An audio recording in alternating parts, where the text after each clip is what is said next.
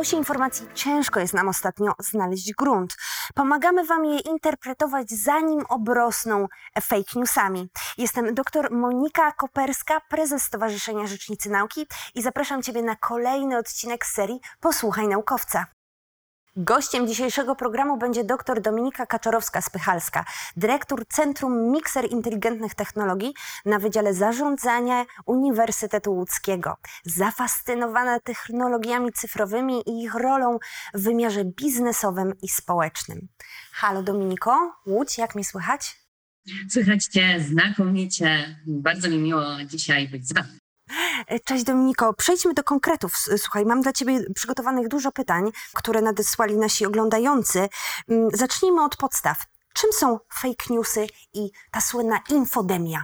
E, tak, faktycznie mówimy o infodemii, czyli o takiej, powiedziałabym, pladze, pandemii, epidemii, bo ciężko to jednoznacznie nazwać, rozprzestrzeniających się nieprawdziwych informacji. Ale czym są tak naprawdę te fake newsy? No nic innego jak pewne kłamstwo. Kłamstwo, które jest rozprzestrzeniane w takiej przestrzeni, powiedziałabym, publicznej, e, które udaje prawdziwą informację i które jest takim elementem, powiedziałabym, szeroko rozumianej polityki dezinformacji. To mogą być informacje czysto stricte spreparowane, nieprawdziwe od początku, ale mogą być też informacje, które są prawdziwe, ale które zostały albo w pewien sposób zniekształcone, bądź też e, zostały osadzone w nieprawdziwym dla nich kontekście. Takim znakomitym przykładem takiego właśnie koronawirusowego fake newsa, jest zdjęcie, które być może też widziałeś, zdjęcie cudu narodzin bliźniąt we Włoszech, które pojawiło się w momencie, kiedy odnotowywaliśmy e, we Włoszech największą, powiedziałabym, umieralność właśnie z tytułu koronawirusa, no i które miało świadczyć właśnie o tym cudzie narodzin i tej nadziei. Prawdą jest to, że to zdjęcie faktycznie było zdjęciem prawdziwym, natomiast zdjęciem, które pojawiało się w przestrzeni internetowej mniej więcej w różnych tutaj odsłonach już od około pięciu lat. A zatem e, widać, że ta możliwość, mm, powiedziałabym, manipulowania tą informacją jest ogromna. Pewnie wszyscy też e, słyszeliśmy o całym szeregu e, fake newsów, które mówiły o tym, jak zwalczać koronawirusa jedząc dużo czosnku, albo jak ochronić się przed nim pijąc ogromne ilości wody. Słyszeliśmy też niewątpliwie o tym, że już kolejne miasta, i tu najczęściej padała oczywiście Warszawa, otoczone są e, kordonem sanitarnym. E, słyszeliśmy też e, zapewne informacje o tym, że Władimir Putin wypuścił na ulicę miasta tutaj lwy, wygłodniałe lwy, po to, aby zmusić mieszkańców Moskwy do pozostania w domu, czy wreszcie pewnie mieliśmy też możliwość usłyszeć lub przeczytać, że planowane są masowe pogrzeby i pochówki osób, które zmarły na koronawirusa właśnie w Central Park. Jak zapewne uwagę, wszystkie te informacje niosły ze sobą dwa ważne elementy. Po pierwsze, one były bardzo intrygujące, one były bardzo nietypowe, bardzo sensacyjne i właśnie były też e, obciążone ogromnym ładunkiem emocjonalnym. Mhm. Gniew, nadzieja, lęk. E, tu oczywiście te emocje mogą być bardzo różne, natomiast faktycznie to jest jedna z cech, które charakteryzują e, fake news. Mhm, czyli jak mamy za dużo emocji, a za mało faktów, to powinna nam się zapalać czerwona lampka już gdzieś z automatu, prawda? E, tak powinno się zapalać im bardziej sensacyjny tytuł, im bardziej sensacyjne wiadomości, które w tym newsie wyczytamy, tym większe prawdopodobieństwo, że rzeczywiście to po prostu fake news. Tylko wiesz, e, w tej sytuacji, e, w sytuacji pandemii, e, dzieje się dużo rzeczy, które nie są normalne. Jak na przykład ozonowanie ulic w nocy, co było faktem, tak. chociażby w Warszawie, a nie jest informacją normalną. Więc teraz moje pytanie jest takie, czy my jako ludzie potrafimy sobie dobrze poradzić z odróżnieniem fake newsów od prawdziwych newsów? Czy masz jakieś informacje na ten temat? No tu muszę Ci powiedzieć, że tak, z jednej strony my jesteśmy bardzo świadomi tego, że rzeczywiście te fake newsy wokół nas są. Jesteśmy świadomi tego, że nie wszystkie informacje, które pojawiają się w przestrzeni, e, czy to na portalach społecznościowych, e, czy w ogóle emitowane przez bardzo różne media, że one są prawdziwe. I tutaj rzeczywiście badania, które zostały przeprowadzone na zlecenie Komisji Europejskiej w 2018 roku wskazują, że 68% respondentów, którzy wzięli udział w tym badaniu, wskazało, że rzeczywiście ma świadomość tego, że te mm, fake newsy są i co więcej, wskazało, że spotyka się z nimi przynajmniej raz w tygodniu. W związku z tym my mamy świadomość tego i, i, potrafimy je zidentyfikować, ale jest druga kwestia, że po pierwsze my podejmujemy trud ich weryfikacji, a po drugie, jak bardzo jesteśmy w tym procesie filtrowania tych informacji skuteczni. To samo badanie wykazało, że, e, a i owszem, 70% respondentów e, powiedziało, że e, faktycznie potrafi zweryfikować, czy informacja, którą konsumuje, jest informacją prawdziwą, czy też nieprawdziwą, ale już tylko 15% spośród nich przyznało, że ma w tym zakresie stuprocentowe przekonanie do swoich umiejętności. Jak to wygląda w Polsce? No, okazuje się, że badania przeprowadzone przez pracownię badań społecznych NASK w 2019 roku pokazały, że 37% respondentów biorących udział w tym badaniu przyznało, że w ogóle nie weryfikuje informacji, a 38% przyznało, że owszem, robi to, ale robi to bardzo sporadycznie. Można byłoby się zastanawiać, czy rzeczywiście jest to efekt naszej niechęci, braku czasu, czy może lenistwa. Ja myślę, że powinniśmy tutaj sięgnąć dużo głębiej, bo to kwestia e, przede wszystkim pewnych mechanizmów, które rządzą tutaj psychologią społeczną, jak i również naszego umysłu. Fakt, to krytyczne myślenie nie, nie przyświeca nam na co dzień, nie uczy się tego w szkołach. Na studiach mniej lub bardziej zaznajomieni jesteśmy z logiką e, czy filozofią myślenia i tymi zasadami krytycznego myślenia. Natomiast faktycznie zgodzę się z Tobą, że to nie jest rzecz, którą gdzieś mówi nam się, że jak matematyka przyda nam się na co dzień, prawda? To nie ten kaliber, e, że tak powiem, tak. uwrażliwiania nas na te narzędzia, którymi moglibyśmy się posługiwać.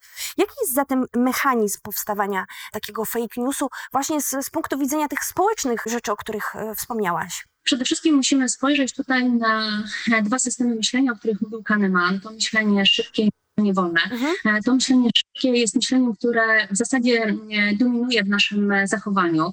Ono determinuje szereg czynności, aktywności, które podejmujemy, czy sposobów podejmowania tych aktywności. To jest myślenie, które właściwie następuje w sposób taki automatyczny, rutynowy, intuicyjny, ale to też wynika z faktu, że my w większości przypadków no, jesteśmy w takim zdaniem dla siebie środowisku i podejmujemy te decyzje po prostu w sposób rutynowy. To myślenie drugie, ten system drugiego myślenia, tego wolnego, jest oparty oczywiście Wolnego. na takim racjonalnym analizowaniu tych wszystkich e, przesłanek, które mogłyby doprowadzić do podjęcia przez nas działań czy mm, określonego rezultatu, który miał być efektem, ale ono uruchamia się u nas dopiero wtedy, kiedy to myślenie pierwsze, e, ten system pierwszy po prostu zawodzi.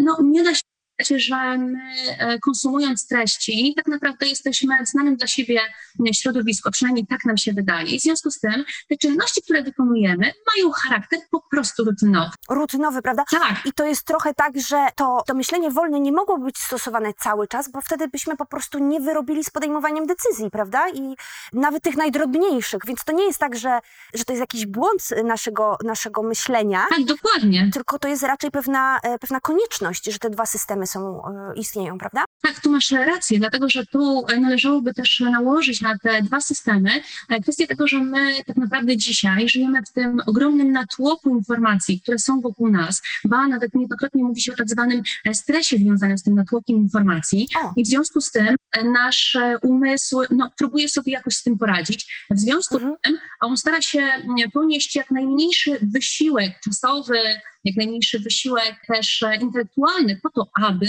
no właśnie skonsumować określone treści. Oczywiście, gdybyśmy tu mówili o decyzjach dużo bardziej zaawansowanych, wymagających od nas być może e, tutaj decyzji też związanych z jakimś zakupem jakiegoś produktu chociażby luksusowego, to oczywiście ten system i proces myślenia, rozważania będzie zdecydowanie inny. Natomiast tu mówimy o po prostu konsumowaniu określonych treści. Nałóżmy na to również pewne elementy związane chociażby z selektywnością postrzegania przez nas informacji.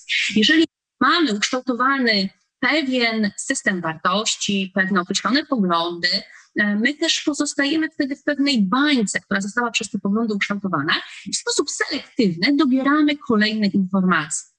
W związku z tym, gdybym, e, wracając do koronawirusa, przed wybuchem pandemii była zwolennikiem i propagatorką idei, że sieć internetu 5G jest e, bardzo niszcząca dla naszego organizmu i e, dla nas jako człowieka w ogóle, to bardzo szybko, działając właśnie w ten sposób selektywny, mój umysł wyłapywałby w trakcie pandemii wszystkie informacje, które sugerowały, że za szybkie rozprzestrzenianie się właśnie tego wirusa na świecie odpowiedzialna jest właśnie ta sieć internetu. Mhm. W związku z tym, e, zobacz, e, to faktycznie wiele elementów, które powodują potem pewne pułapki i no, też mają potem przełożenie na to, że działamy w pewien sposób, powiedziałabym, taki schematyczny, ulegamy pewnym stereotypom. Tak. Tutaj no, ulegamy jeszcze wpływowi innych ludzi. I e, znowu wrócę do tego przykładu takiego z koronawirusem. Zapewne słyszałaś e, na początku rozwoju w ogóle pandemii koronawirusa, że osoby, które są zakażone, m, nie powinny stosować ibuprofenu. Mhm. Tam dla uwiarygodnienia tej informacji wykorzystano Uniwersytet e, Wiedeński, który potem oczywiście odcinał od tej informacji, ale to był taki element, który miał dla wielu osób, które nie są zorientowane w danej tematyce, właśnie uwiarygodnić fakt, że taka informacja jest prawdziwa. I tu jest znowu pewien element takich schematów, na jakich funkcjonuje nasz umysł. My chcąc minimalizować ten wysiłek poznawczy, często jakby traktujemy jako taki papierek swego rodzaju lakmusowy, traktujemy informację o tym, że ten, ten news podało medium, którego bardzo często słuchamy, czy które bardzo często oglądamy, które lubimy, albo w mediach społecznościowych ta informacja została przekazana. Mhm. A zatem e, schemat tak naprawdę tutaj e, postępowania i wykorzystywania tych różnych pułapek, e, które się pojawiają, może być bardzo zróżnicowany, natomiast na pewno tu należy poszukiwać szeregu przyczyn, które powodują, że te fake newsy tak bardzo do nas trafiają i tak szybko się rozprzestrzeniają.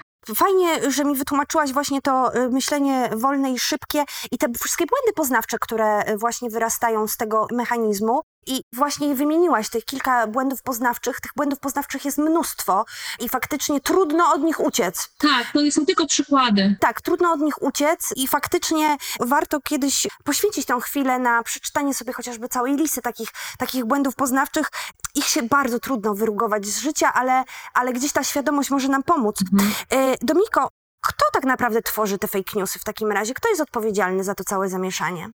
Tak naprawdę tutaj e, te interesy moglibyśmy napisać do bardzo różnych grup, bo rzeczywiście tych twórców fake newsów e, mamy bardzo wiele. Mogą być to cyberprzestępcy, którzy w ten sposób chcą w jakiś sposób manipulować właśnie naszymi przyszłymi decyzjami. Pewnie spotkałaś się z fake newsem, który informował o tym, że pieniądze na naszych e, kontach będą blokowane przez państwo, a potem pojawiły się SMS-y, które były rozsyłane których powtarzano właśnie tę samą informację z fake newsa, jak również e, proszono o logowanie się na określonych kontach.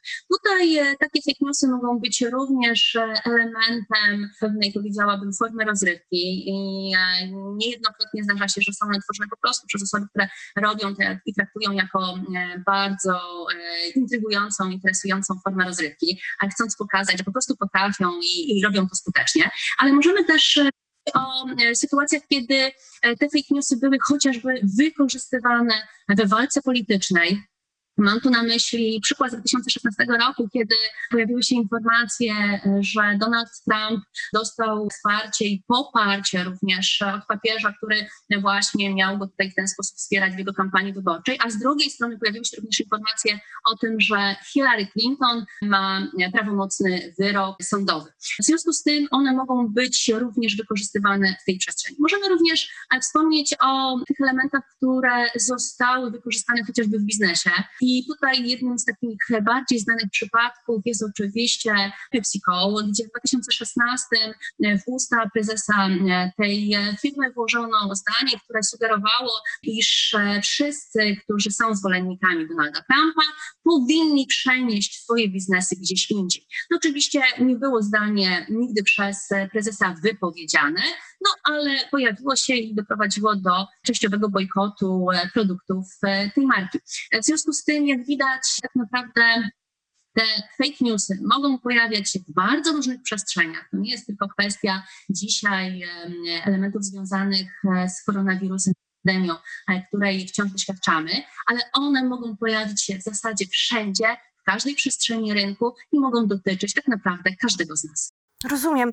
Mm, Faktycznie pokazujesz mi, że, że te motywacje mogą być wszelakie i one mogą być zaplanowane, a może nie, po prostu to jest jakiś przypadek, że, że ktoś przeinaczył tak tą informację jak w głuchym telefonie, prawda? Mm, Ten internet jest tą przestrzenią, gdzie nie weryfikujemy, znaczy nie ma recenzji e, informacji, które zapisujemy. Zawsze, jeżeli publikujemy książkę, publikację, jest cały system recenzowania. E, Nikt nie wydrukuje niczego, kto wcześniej ktoś tego nie przeczytał internet ze swoją wolnością słowa ten proces recenzji zupełnie y, pominął praktycznie, a raczej przełożył ją w nasze ręce, odbiorców, gdzie my nie jesteśmy, nie mamy tych narzędzi, żeby tak naprawdę recenzentami tych treści do końca być.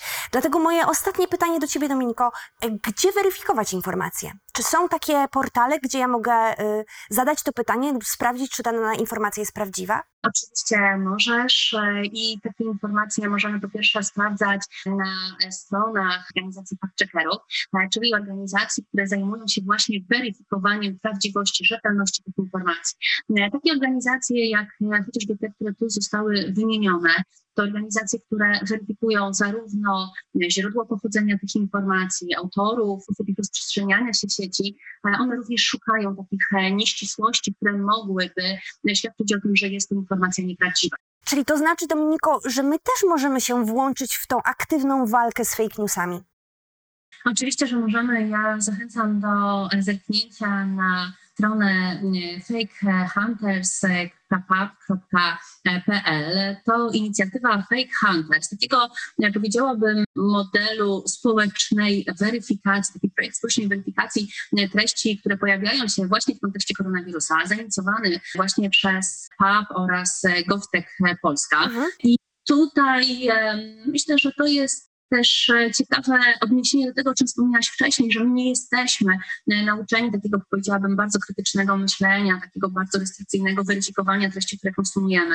W związku z tym to też e, oprócz tego, że możemy wspólnie weryfikować prawdziwość i rzetelność tych informacji, również ciekawy projekt z punktu widzenia zaangażowania społecznego każdego z nas, każdego, kto mógłby przyczynić się do tego, aby tych informacji nieprawdziwych było więcej. Ale w kontekście koronawirusa oczywiście zachęcam też do sięgania do źródeł oryginalnych, gdzie faktycznie powinniśmy mieć do czynienia i mamy do czynienia z informacjami wiarygodnymi, a zatem strony Ministerstwa Zdrowia, Głównego Inspektoratu Sanitarnego, czy wreszcie Światowej Organizacji Zdrowia, one dają nam pewność, że te treści, które konsumujemy właśnie w odniesieniu do koronawirusa są prawdziwe, są rzetelne i są wiarygodne. Dokładnie, bo są recenzowane przez osoby i, i możemy na nich polegać. Dominiko, bardzo Ci dziękuję za tę rozmowę. E, Była ona, myślę, dla nas wszystkich bardzo cenna. E, Pozdrawiam Cię serdecznie i mam nadzieję do zobaczenia. Ja również bardzo dziękuję, że mogłam być dzisiaj z Wami. Do zobaczenia.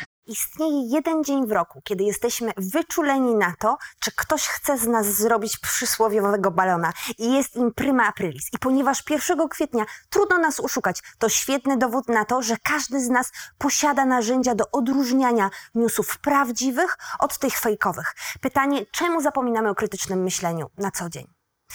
Dziękuję Wam za poświęcony czas e, w tym sezonie. Zapraszam na sezon drugi Posłuchaj Naukowca już wkrótce. Do zobaczenia.